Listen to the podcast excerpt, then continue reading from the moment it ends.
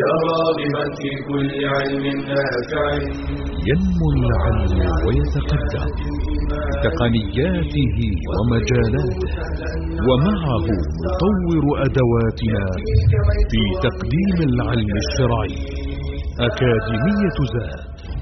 زاد أكاديمية ينبوعها صاف. صاف ليروي غلة الظمآن. هذا كتاب الله روح قلوبنا خير الدروس تعلم القرآن. بشرى لنا زاد أكاديمية للعلم كالأزهار في البستان.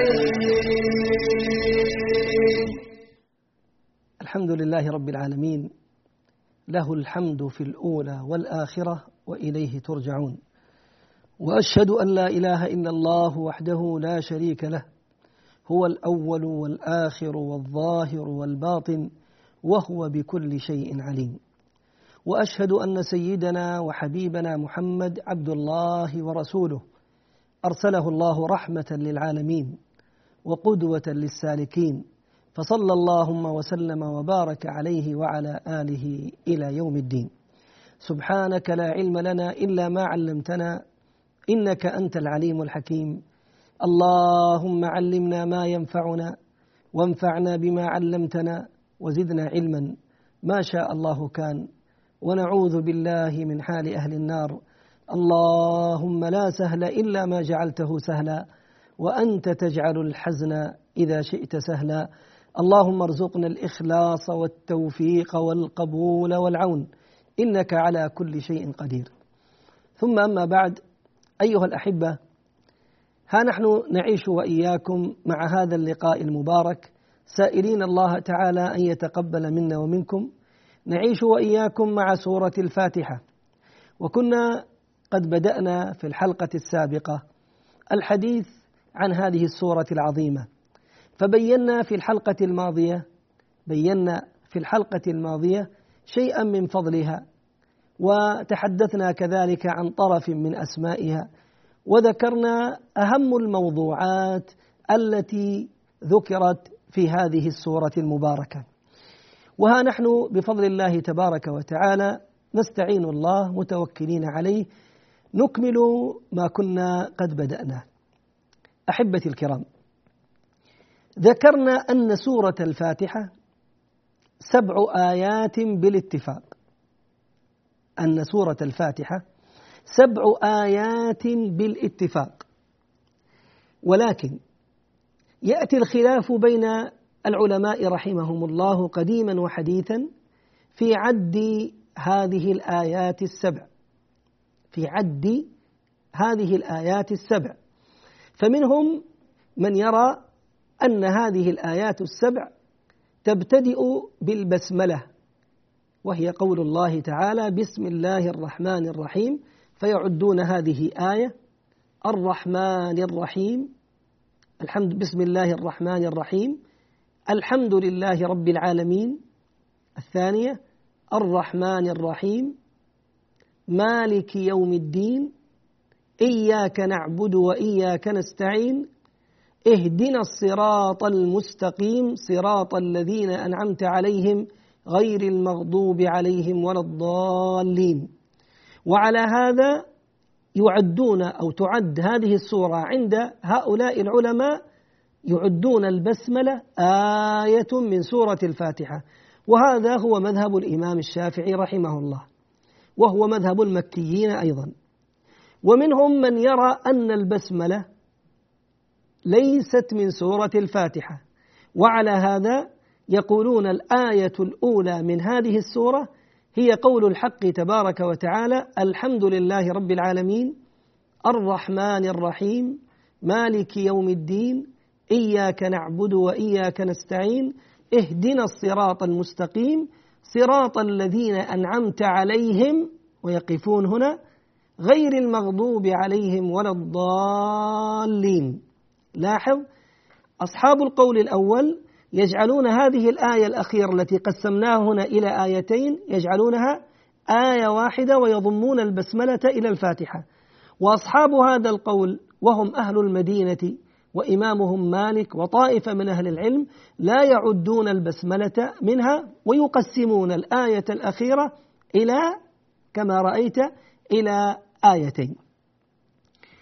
والمتأمل في النصوص الشرعية يجد أن مذهب الإمام مالك رحمه الله وهو رواية عن الإمام أحمد وهو قول جمع كثير من أهل العلم يرون أن البسملة ليست من سورة الفاتحة. وعليه فإذا قرأ العبد سورة الفاتحة في الصلاة أو في غير الصلاة فترك البسملة عمدا أو نسيانا أو جهلا فإنه لا شيء عليه.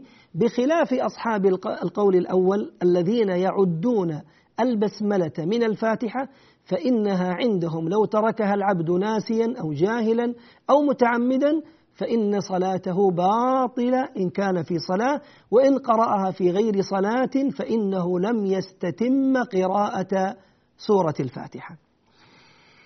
قلنا أيها الكرام أن الصحيح والله أعلم هو قول من قال أنها ليست من الفاتحة وأن البسملة هي آية أنزلها الله تبارك وتعالى على الصحيح للفصل بين السور.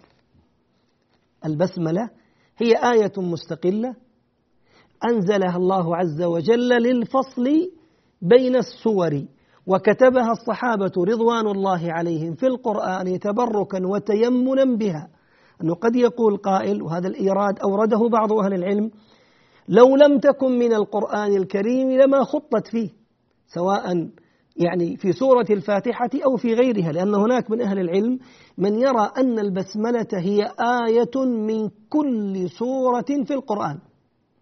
من يرى أن البسملة هي آية من كل سورة في القرآن ليست فقط الفاتحة بل الفاتحة وغيرها من سور القرآن الكريم.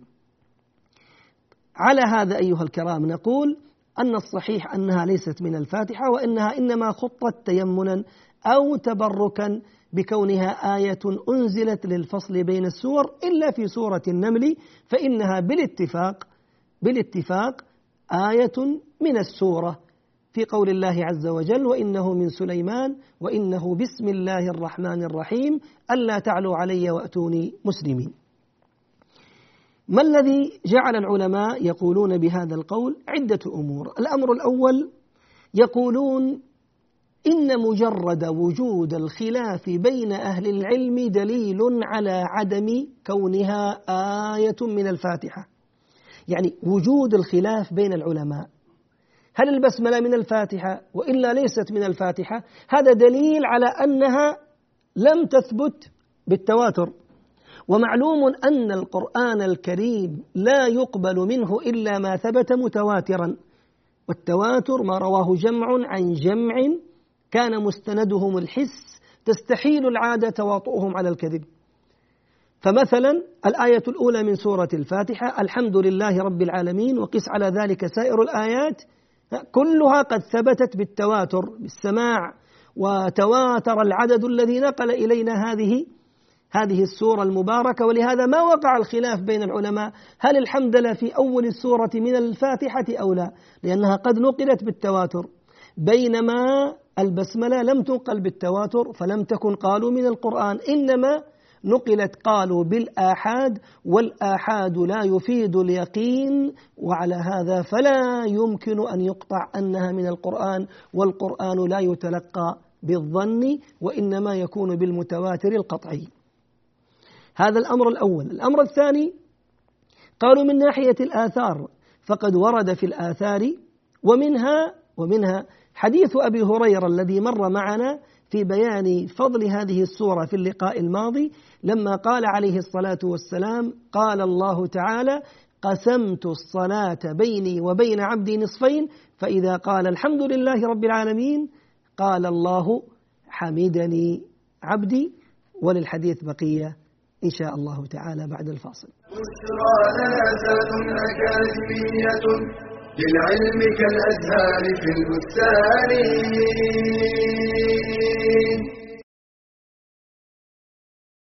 التعليم في الصغر كالنقش على الحجر. إنه كلام صحيح. ولكن ذلك لا يعني حرمان كبار السن من طلب العلم.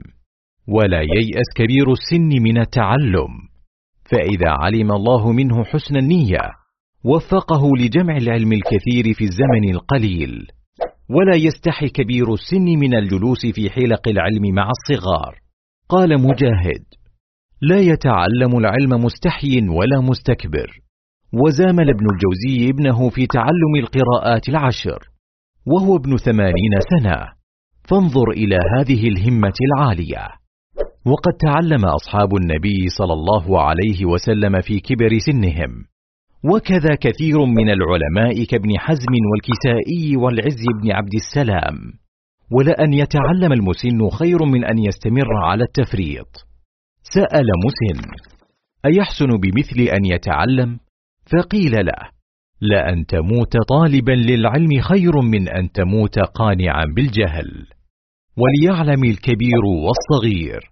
أن أبواب العلم مفتحة للراغبين. قال تعالى والذين جاهدوا فينا لنهدينهم سبلنا وإن الله لمع المحسنين.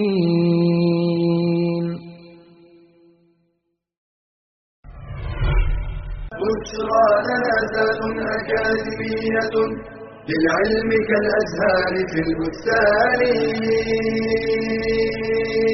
حياكم الله أيها الأحبة وأهلا وسهلا بكم. بعد أن عدنا إليكم ومعكم بعد الفاصل لنستكمل ما كنا قد بدأناه قبل الفاصل في الحديث عن البسملة وهل هي من سورة الفاتحة؟ هل هي أول آية في الفاتحة أو لا؟ وبينا أن الصحيح والعلم عند الله تعالى. هو ما ذهب إليه الإمام مالك وأهل المدينة وهي رواية عن الإمام أحمد وطائفة كبيرة من أهل العلم على أن البسملة ليست بآية ليست بآية من الفاتحة وكنا نعيش مع الأدلة من السنة النبوية التي تثبت ذلك. فأولا ذكرنا حديث أبي هريرة رضي الله عنه وأرضاه قسمت الصلاة يقول ربي قسمت الصلاة بيني وبين عبدي نصفين فإذا قال الحمد لله رب العالمين قال الله حمدني عبدي ولم يذكر سبحانه وتعالى هنا قوله بسم الله الرحمن الرحيم فلو كانت البسملة يقول أهل العلم فلو كانت البسملة من سورة الفاتحة لابتدأ الحق تعالى في هذا الحديث القدسي بها. ثانيا حديث أنس المشهور الذي يقول فيه رضي الله عنه وأرضاه صليت خلف رسول الله صلى الله عليه وسلم وأبو بكر وعمر فكانوا يستفتحون الصلاة بالحمد بالحمد لله رب العالمين. ولم يذكر رضي الله عنه وأرضاه البسملة. كانوا يستفتحون الصلاة بالحمد لله رب العالمين مباشرة دون ذكرهم للبسملة. أيضا من الآثار التي يستدلون بها حديث أبي بن كعب الذي مر معنا في فضائل السورة لما قال له عليه الصلاة والسلام أتدري أعظم سورة في كتاب الله عز وجل؟ فقال أبي وقرأ على النبي صلى الله عليه وسلم سورة الفاتحة فابتدأ بقوله الحمد لله رب العالمين وأقره عليه الصلاة والسلام على ذلك ولم يأمره بقراءة بسم الله الرحمن الرحيم. أخيرا مما يستدل به العلماء وهذا مما سطره الإمام الطاهر بن عاشور رحمه الله في كتابه العظيم الرائع التحرير والتنوير يعني مسألة النظر فقال مثلا إن الإنسان وهو يقرأ هذه السورة المباركة أعني سورة الفاتحة لو كانت البسملة من آياتها فإن ذلك يفضي إلى التكرار يفضي إلى التكرار الذي يخل بالسياق القرآني مما لم يعلم ويعرف في كلام الله تبارك وتعالى كيف ذلك؟ إذا قلنا أن البسملة من الفاتحة فستقرأ هكذا بسم الله الرحمن الرحيم الحمد لله رب العالمين الرحمن الرحيم لاحظ هذا التكرار في صفتي الرب سبحانه وتعالى الرحمن الرحيم. وليس بينهما الفاصل الكبير من الآيات إنما هي آية تفصل بينهما آية صغيرة. بسم الله الرحمن الرحيم. الحمد لله رب العالمين الرحمن الرحيم. فإذا قلنا أن البسملة من الفاتحة فقد تكررت صفتي الرب الرحمن الرحيم في البسملة وتكررت بعد الحمد ولا شك أن هذا التكرار بمثل هذه الصيغة في مثل هذا الاختصار في مثل هذا القصر يخل بالمعنى البلاغي الذي عرف من كتاب الله تبارك وعز وجل ولهذا اختار هو وغيره من أهل العلم أنها ليست من الفاتحة أنها ليست من الفاتحة. والله أعلى وأجل وأعلم سبحانه وتبارك وتعالى.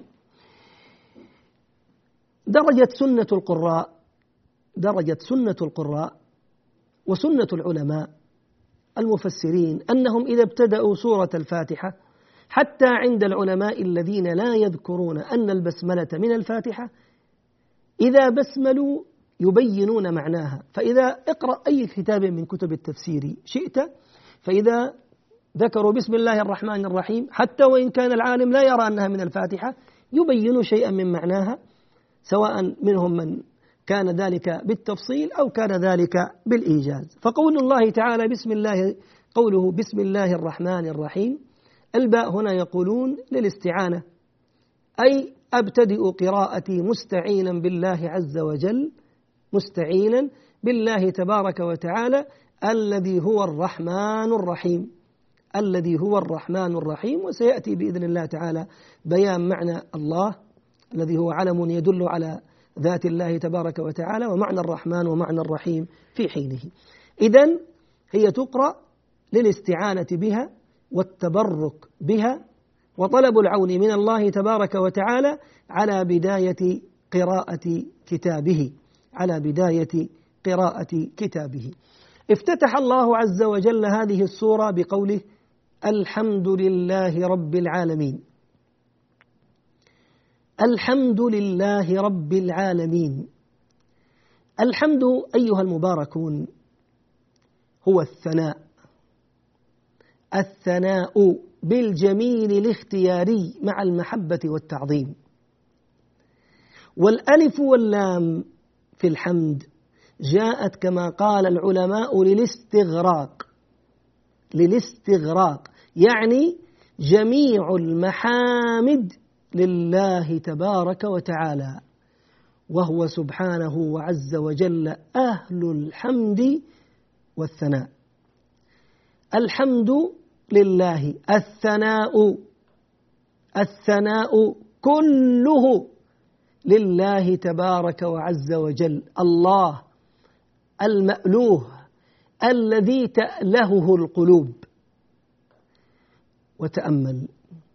تأمل كيف أن الله عز وجل لما ابتدأ الفاتحة بالحمد حمد نفسه تبارك وعز وجل لم يبتدئ هذه السورة بأمر عباده بحمده بل بدأ بهذا الخبر وإن كان يحمل في ثناياه معنى الإنشاء ولكن ليكون ذلك أدعى في أذن السامع وقلب المتلقي فيزداد حمدا لهذا الذي أخبر بحمد نفسه سبحانه وتبارك وتقدس.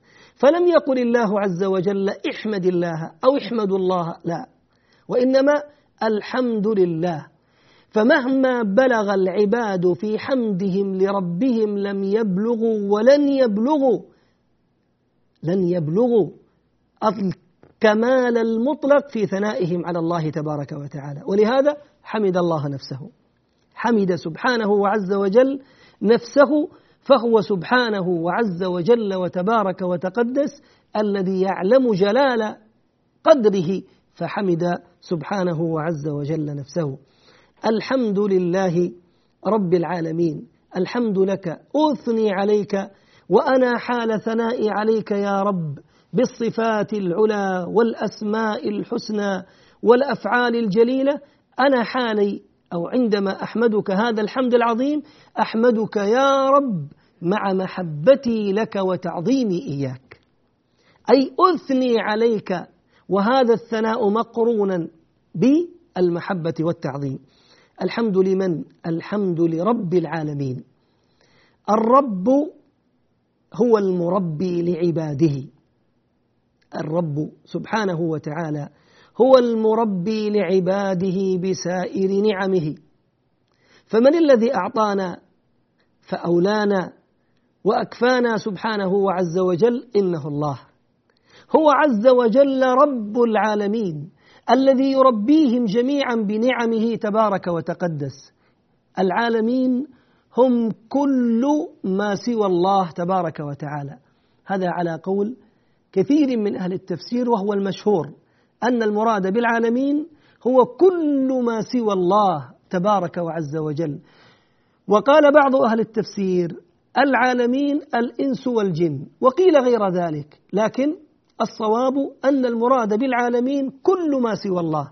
فكل شيء في الوجود الله تبارك وعز وجل هو ربه هو الذي رباه بنعمه العظيمة. وآلائه الجسيمة تبارك وتقدس. رب العالمين. الحمد لله رب العالمين. يبتدئ سبحانه وعز وجل هذه السورة بحمد نفسه ليحث عباده على كثرة حمده. ليحث عباده على كثرة حمده. بل إن كل ما في السماوات والأرض يحمد الله تبارك وعز وجل وإن من شيء إلا يسبح بحمده ولكن لا تفقهون تسبيحهم. وللحديث بقية إن شاء الله بعد الفاصل. أكاديمية للعلم كالأزهار في البستان.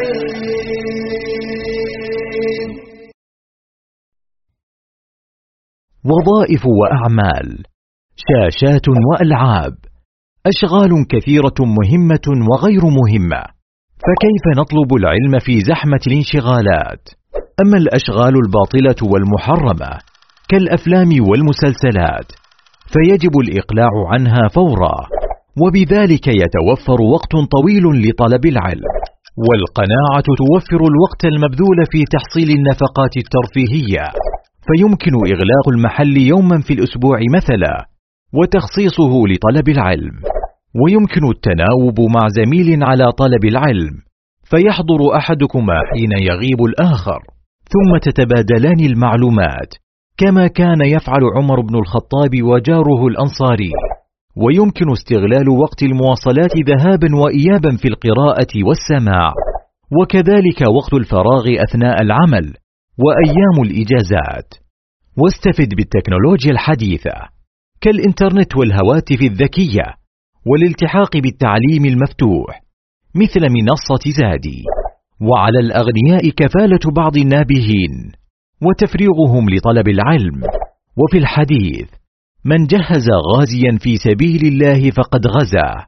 فعمل للآخرة يكفك الله هم الدنيا. قال صلى الله عليه وسلم. من كانت الآخرة همة جعل الله غناه في قلبه وجمع له شمله وأتته الدنيا وهي راغمة.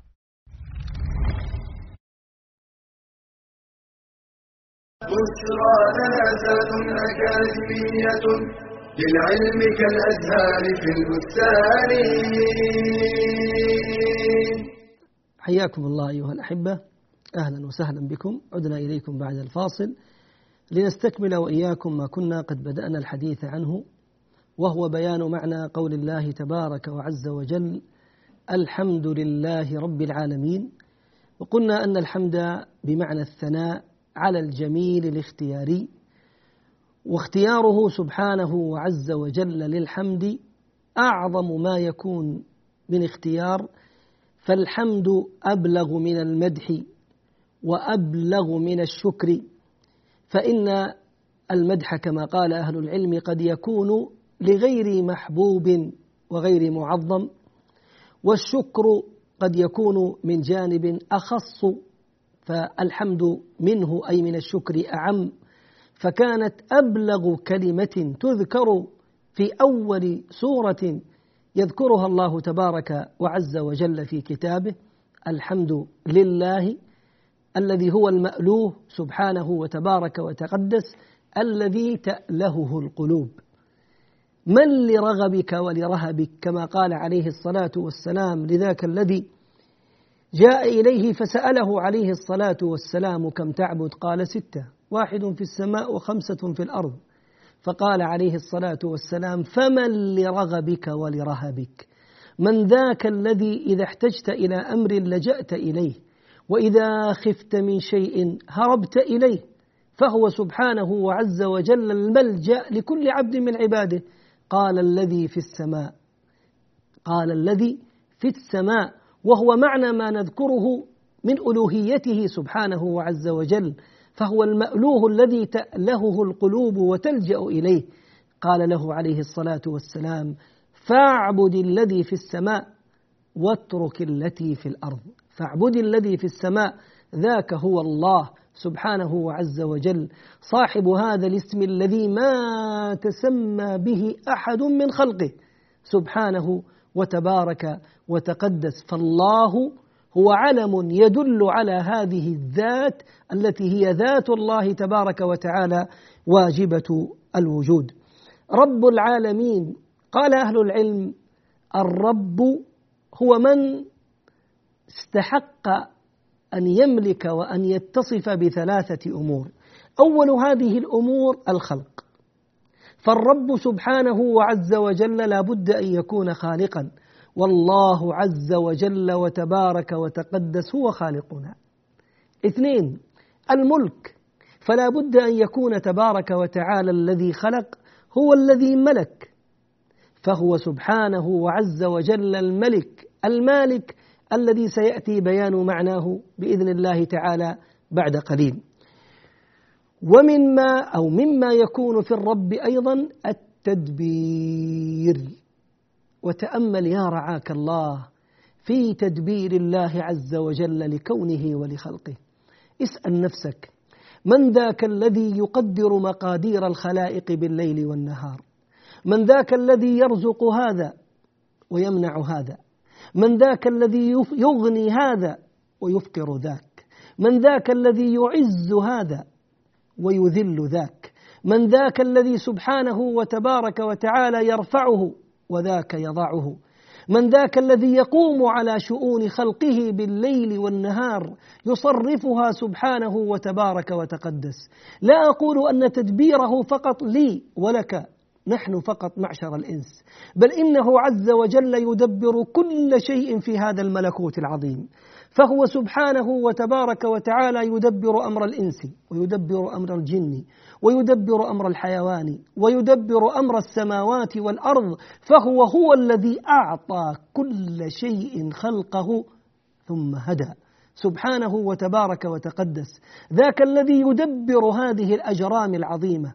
هذه الملايين من الكواكب المتطايرة في هذا الكون لا يصطدم بعضها ببعض لا يمكن أن يصطدم بعضها ببعض فكل في فلك يسبحون. لا الشمس ينبغي لها أن تدرك القمر ولا الليل سابق النهار وكل في فلك يسبحون. من دبرها؟ إنه الله سبحانه وتبارك وتقدس هو رب العالمين هو رب العالمين. فحري بنا أيها الكرام ونحن نقرأ قول الحق تبارك وتعالى الحمد لله رب العالمين أن نعيش مع هذا الحمد وهذا الإله واجب الوجود الذي هو الله وأن نعيش كذلك مع معنى الرب واستحقاقه لخلق وملك وتدبير وأن نعيش لنعرف أننا من ضمن هذا العالم الفسيح الذي يدبره تبارك وتقدس. الحمد لله رب العالمين. ثم قال تعالى الرحمن الرحيم. قال ابن عباس اسمان بعضهما أرق من بعض. اسمان بعضهما أرق من بعض. قال بعض أهل العلم الرحمن الرحيم اسمان من أسماء الله تبارك وعز وجل. تضمنا صفة الرحمة لله تبارك وتقدس. نعم. إنه الرحمن الرحيم. إنه سبحانه وتعالى من اتصف بهذه الصفة العظيمة التي يتمنى كل مخلوق أن يتصف بشيء منها وأن يكون له منها أوفر الحظ والنصيب. الله هو أرحم الراحمين. هو أرحم الراحمين.